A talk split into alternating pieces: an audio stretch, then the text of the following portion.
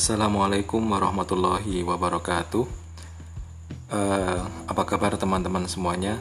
Semoga kabar baik ya.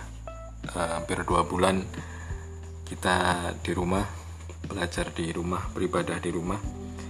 Uh, podcast kali ini saya buat khususnya sebetulnya untuk teman-teman dinamika. Jadi semester ini saya diminta oleh teman-teman dinamika untuk mengampu kelas penulisan. Saya kira baru satu atau dua kali pertemuan ya, uh, yang kemudian apa ya, saya bilang tertunda karena COVID-19 karena corona ini. Jadi harusnya ada sekian kelas begitu, tapi baru terlaksana. Saya ingat saya satu baru pengantar saja, baru baru perkenalan dan baru sangat dasar sekali. Nah, podcast ini saya buat sebagai barangkali ganti dari kelas esai yang saya ampu di UKM Dinika. Oke, kali ini kita akan sama-sama belajar. Saya juga masih menyebut diri saya sebagai orang yang masih terus belajar mengenai obituari obituari itu apa bahasa mudahnya adalah beri semacam berita duka atau tulisan tentang orang yang baru meninggal gitu. Uh, mungkin teman-teman pernah menemukan ini di portal online atau di koran begitu ya. Ada satu tokoh meninggal, terus kemudian ada yang menuliskannya gitu. Tentu yang terbaru yang mungkin masih teman-teman ingat adalah almarhum Pak Didi Kempot itu yang belum lama meninggal dan salah satu obituarinya bisa kita baca di Quran Kompas yang ditulis oleh Sindunata dan saya pikir itu salah satu obituari yang cukup bagus gitu. Uh, saya pribadi sebetulnya tidak apa ya uh, punya kekhususan begitu dalam menulis obituari. Maksud saya saya jarang sekali kemudian kalau ada yang meninggal terus kemudian saya uh, apa namanya segera menulis obituari biasanya by request karena permintaan. Jadi misalnya ya saya masih ingat waktu itu jadi saya punya teman di islami.co islami.co adalah salah satu portal keislaman yang sangat otoritatif dan sangat saya rekomendasikan uh, dikelola oleh orang-orang yang punya keilmuan mumpuni. Jadi teman saya di islami.co waktu saya ingat saya dulu ada salah satu sastrawan namanya Danarto itu meninggal gitu. Terus saya diminta untuk menulis obituarinya gitu. Uh, tapi itu sudah sangat lama sekali. Yang saya ingat uh, teman saya di islami.co itu kemudian juga meminta saya menulis obituari ketika ibunda Presiden Jokowi Ibu Sujiatmi itu meninggal. Saya diminta menulis obituarinya juga ketika Didi Kempot meninggal, saya diminta menulis obituarinya. Tentu saya tidak sendiri, ada beberapa orang yang juga dihubungi oleh islami.co dan menulis obituarinya. Oke, saya ceritakan dulu dari yang paling dekat ya, dari obituari yang saya tulis tentang Pak Didi Kempot. Nanti saya juga akan berikan linknya gitu, link tulisan saya di islami.co. Oke, uh, pertama-tama di tulisan itu saya bercerita jadi saya mengawali tulisan dengan cerita bahwa pagi itu saya bersiap untuk rekaman Radika Podcast, tapi kemudian ada satu kabar berita, eh, ada satu kabar duka yang kemudian saya baca di WA story seorang kawan gitu ya, yang mengabarkan tentang meninggalnya Pak Didi Kempot. Terus kemudian saya nggak percaya, saya cek di Twitter dan benar ternyata. Itu saya ceritakan bagaimana suasana pagi itu, apa yang saya lakukan ketika mendengar berita duka itu. Lalu kemudian uh, apa? Saya ke, uh, eh, mengutip komentar-komentar orang-orang di Twitter tentang kemati, uh, tentang meninggalnya Pak Didi di Kempot ya. Jadi orang-orang bersedih terus kemudian juga mempertanyakan tahun 2020 ini ada apa sih? Sebenarnya banyak orang besar meninggal entah Ibunda Jokowi, Glenn Fredly dan dan banyak tokoh lain dan beberapa tokoh lain yang juga meninggal. Belum lagi 2020 juga ada corona dan seterusnya gitu. Mereka kayak mempertanyakan 2020 gitu. Kita kayaknya dari satu berita duka ke berita duka lain gitu loh. Uh, itu yang yang saya tangkap di Twitter. Saya ceritakan itu juga. Nah uh, saya tentu tidak punya pengalaman personal ya artinya saya tidak pernah ketemu langsung saya tidak pernah berinteraksi gitu cuman uh, Didi Kempot membawa ingatan saya kepada masa-masa saya SD dulu. Uh, salah satu penanda dalam kehidupan saya, dalam hidup saya adalah ya, saya nggak tahu teman-teman pernah pakai apa namanya ya, piranti ini atau tidak, VCD player. Sekarang mungkin sudah tidak ya, orang lihat audio visual itu di YouTube misalnya ya. Jarang yang VCD player nonton film dari VCD itu tamanya generasi sekarang jarang sekali kalau ngopi film itu paling biasanya dari flash disk itu ya atau hard disk kapasitas besar itu. Kalau dulu kami itu masih pakai VCD player dan VCD player itu kayak jadi barang yang mewah, barang yang mahal dan itu rasanya apa ya kalau punya VCD player itu ya bangga lah gitu di tahun berapa mungkin 98 99 lah itu. Nah, dari VCD player saya muter film apa keluarga saya muter film terus muter apa kaset-kaset campur sari biasalah uh, kami tumbuh di kota kecil di Jawa Timur di Ponorogo dan ya apa sih hiburannya begitu dan ya bioskop ada tapi film-filmnya sudah sangat jadul sekali yang diputar. Nah waktu itu saya masih ingat yang diputar pertama kali itu film India Kuch Kuch Hota Hai dan saya nggak boleh nonton. Yang nonton adalah bule-bule saya Terus kemudian kalau anak kecil itu dulu ada persewaan VCD. Sekarang kalian mungkin nggak menjumpai itu, tapi dulu ada persewaan VCD player. Itu biasanya nanti sampingan sama persewaan komik dan majalah. Gitu. Nah, uh, saya minjam VCD di situ. Terus kemudian ada Home Alone. Film Home Alone itu saya tonton pertama kali di VCD player di rumah saya dulu di Ponorogo. Kalau sekarang sih hampir setiap tahun di libur Natal atau libur Lebaran kan biasanya TV memutar itu ya, memutar apa film Home Alone itu tentang anak kecil yang melawan pencuri atau perampok itu. Nah, itu film-film. Tapi kalau musik dulu yang diputar itu ya Didi Kempot. Ya apalagi kami dulu apa apalagi kaset yang kami miliki itu ya ya itu Didi Kempot itu dan ya kami mendengarkan lagu stasiun balapan, kami mendengarkan lagu Sewu Kuto gitu dan seingat saya ibu saya itu sangat suka dengan lagu Sewu Kuto gitu. Itu liriknya memang dalam sih. Nah saya membawa ingatan-ingatan masa kecil saya itu ke dalam tulisan saya. Karena saya tidak pernah berinteraksi langsung dengan Pak Didi Kempot itu. Tapi bagi saya saya termasuk juga yang menyukai lagu Sewu Kuto itu. Itu lagu yang bagi saya liriknya cukup dalam sekali. Nah uh, kemudian saya sedikit memberikan interpretasi atas lirik lagu itu gitu ya. Misalkan di lirik lagu itu ada di lirik lagu Sewu Kuto itu kita bisa menjumpai lirik yang mengatakan yang berbunyi umpamane kue wis mulyo lilo aku lilo gitu. Itu bagi saya apa ya wujud kayak orang yang benar-benar sudahlah konaah drimo ing pantum itu dua orang yang tidak bisa disatukan gitu ya. Terus kemudian uh, salah seorangnya itu masih pengen ketemu gitu. Bertemunya juga nggak usah lama-lama hanya sekedeping moto gitu kan. Terus kemudian ya untuk apa bertemu yang sebentar itu? Untuk hanya sekedar mengobati rindu di hati. Bagi saya itu dalam sekali itu tanggo tombo kangen jeruning dodo gitu. Itu bagi saya ya ya wajar kalau kemudian Didi Kempot disebut sebagai the godfather of broken heart gitu kan. Bapak patah hati nasional gitu bapak loro hati Indonesia gitu. Itu itu sangat wajar gitu. Karena memang lirik lagunya sedalam itu semenyayat itu gitu. Dan itu nggak cuma satu lagu ya tapi seenggak-enggaknya dari Sewu Kuto itu sudah mewakili itu. Dan saya menuliskan itu di obituari yang saya tulis tentang tentang Didi Kempot. Jadi obituari itu kayak semacam ya di situ mungkin karena gini, saya mungkin bisa aja menuliskan kempot itu sebenarnya dari apa, asal usulnya bagaimana. Oh, di kempot itu dulu ngamen, terus kemudian dari apa namanya orang Solo ke ke Jakarta, apa orang Ngawi ke Solo, terus ngamennya di sekitar uh, nasi lewat buang solemu gitu misalkan atau di sekitar stasiun balapan itu. Tapi kan itu orang sudah banyak sekali yang menceritakan itu gitu. Saya baca beberapa obituari wah semuanya menuliskan kayak flashback kisah hidupnya dia ya Terus kemudian orang-orang juga menuliskan tentang bagaimana di akhir hayatnya di Kempot sempat apa menggalang dana sekian miliar dan itu luar biasa sekali. Nah, saya ingin mencoba menelisik dari sisi yang berbeda gitu. Saya menelisik dari sisi yang berbeda dan kemudian ya ya sudah saya memainkan apa bukan memainkan ya, saya saya memanggil lagi ingatan masa kecil saya terhadap Didi Kempot itu gitu. Dan ya ternyata apa ya kami tumbuh ya anak-anak muda di Jawa itu pada umumnya ya sangat akrab lah dengan dengan lagu Didi Kempot. Karena ya siapa sih hari ini yang tidak pernah bersedih dan patah hati gitu ya? Tidak hanya sekedar asmara ya barangkali juga dalam banyak hal gitu. Oke kemudian uh,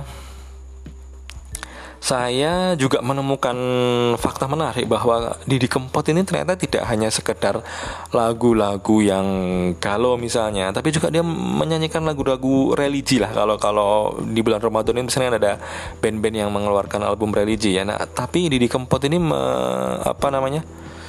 Uh, punya album religi, solawat campur sari gitu. Nah, ini menarik karena uh, apa kayak sisi lainnya di Kempot gitu. Terus misalkan dia salah satu yang lagu yang dia nyanyikan itu judulnya Mampir Ngombe gitu. Ya kita sering mendengar ya urip mau mampir ngombe gitu dan ya betul ya Didi Kempot ini akhirnya ya mampir ngombenya sudah selesai dia sudah minum itu dia sudah ngombe sambil bikin lagu-lagu yang abadi yang akan terus dikenang attitude-nya juga baik akhlaknya juga baik beberapa dari beberapa testimoni orang-orang itu dan ya saya menutup itu menutup esai dengan mengatakan sekuat apa pun kita menyangkal nyatanya Didi Kempot telah pergi tugasnya telah usai baik sebagai musisi maupun sebagai manusia. Kita berterima kasih atas apa yang ia berikan. Matur nuwun Didi Kempot Sugeng Tindak. Ya saya, saya menutup itu dengan itu. Saya menyebut di situ tugasnya sebagai musisi dan sebagai manusia gitu. Kalau musisi katakanlah menyanyi hanya menyanyi ansih gitu. Dia sudah sudah selesai gitu. Dia sudah mencapai kayak semacam puncak kegemilangan karir lah sebagai musisi. Tapi dia juga selesai sebagai manusia dengan membantu sesamanya gitu. Mengeluarkan sekian mil apa mem memantik orang untuk bisa bersedekah dan terkumpul sekian miliar yang yang itu luar biasa gitu. Tugas kemanusiaan yang menurutku ketika dia meninggal dalam kondisi yang sudah melakukan itu ya ya kita menyebutnya husnul khotimah lah ya. Uh, dan itu bagi saya luar biasa gitu. Dan itu itu obituari yang saya tulis tentang Pak Deddy Kempot itu. Selanjutnya sebelum bener-bener waktu itu kayak saya cuma diminta begitu saja dan kemudian uh, sebetulnya berat juga ya dalam kondisi begitu. Bagi saya cukup apa. Saya kalau mengatakan terpukul kok agak berlebihan. Saya cukup sedih juga dan sedikit tidak percaya gitu. Wah di di puncak karir terus meninggal gitu. Terus tiba-tiba diminta nulis itu sebenarnya agak berat juga. Tapi terus ya dikuat-kuatkan akhirnya ya ya bisa nulis gitu. Ini kan kita sedang di musim yang buruk ya. Saya mengatakan buruk karena ya kondisinya memang begini ini. Uh, virus dan kita nggak tahu kapan selesainya pandemi ini gitu kadang orang-orang butuh kayak semacam hiburan dan mungkin di Kempot termasuk orang yang masih bisa menghibur kita tapi terus ya kemudian dia harus pergi lebih dahulu gitu. Di tengah kondisi yang begitu menulis itu bukan sesuatu yang mudah tapi ya dari situ sebenarnya saya belajar begitu. Saya mengatakan bahwa ya mungkin obituari yang saya tulis bukan salah satu tulisan terbaik yang pernah saya hasilkan tapi seenggaknya uh, apa saya cuma ingin sedikit mengenang saja begitu bahwa ya saya ingin berterima kasih. Dulu waktu kecil saya dibesarkan dengan saya tumbuh dengan lagu-lagunya dia yang yang saya pikir juga liriknya bukan lirik-lirik yang apa ya ala-ala yang kadang-kadang agak sedikit cabul gitu kan. Lagu-lagu kadang kan gitu kan. Entah dangdut entah campur sari itu kan ada saru-sarune gitu loh. Dan di Kempot saya pikir bukan yang seperti itu gitu. Campur saya yang cukup cukup elegan lah gitu. Ya apa saya suka susah mencari padanan katanya ya. Tapi saya pikir itu lirik yang cukup oke okay lah. Dan sisi menarik di keempat adalah hampir di setiap tempat kan dia punya lagu kan. Balapan Tirto Nadi Tanjung Mas mana-mana ya Taman Juruk. Wah semuanya kayaknya dia ada gitu. Dan itu saya pikir menarik sekali gitu cara dia mengenang sesuatu gitu monumental gitu. Di setiap tempat itu kayak ada lagunya gitu ya itu uniknya uniknya Didi Kempot ya. Oke dari Didi Kempot kita beralih ke apa namanya obituari yang saya tulis tentang ibunda Pak Jokowi. Jadi apa ini juga bukan bukan karena dorongan dari saya sendiri tapi sebuah tulisan yang diminta gitu. Jadi ceritanya waktu itu ibundanya Pak Jokowi meninggal terus kemudian kebetulan di rak buku itu saya ketemu sebuah buku yang sudah saya, sudah cukup lama saya beli judulnya Sujiatmi Ibunda Jokowi gitu. Jadi uh, di buku itu merekam bagaimana kisah hidup perjuangan uh, seorang bundanya Jokowi begitu yang yang bagi saya lepas dari pandangan politik apa pun ya kita lepaskan dulu pandangan politik itu kita mendudukkan apa namanya buku itu sebagai sebuah biografi seorang manusia atau seorang ibu bagi saya itu adalah sebuah buku yang menarik lah. Sebuah buku yang cukup bagus begitu. Nah buku itu saya posting di media sosial saya terus kemudian teman saya yang di Jakarta itu yang di islami.co itu menghubungi saya gitu.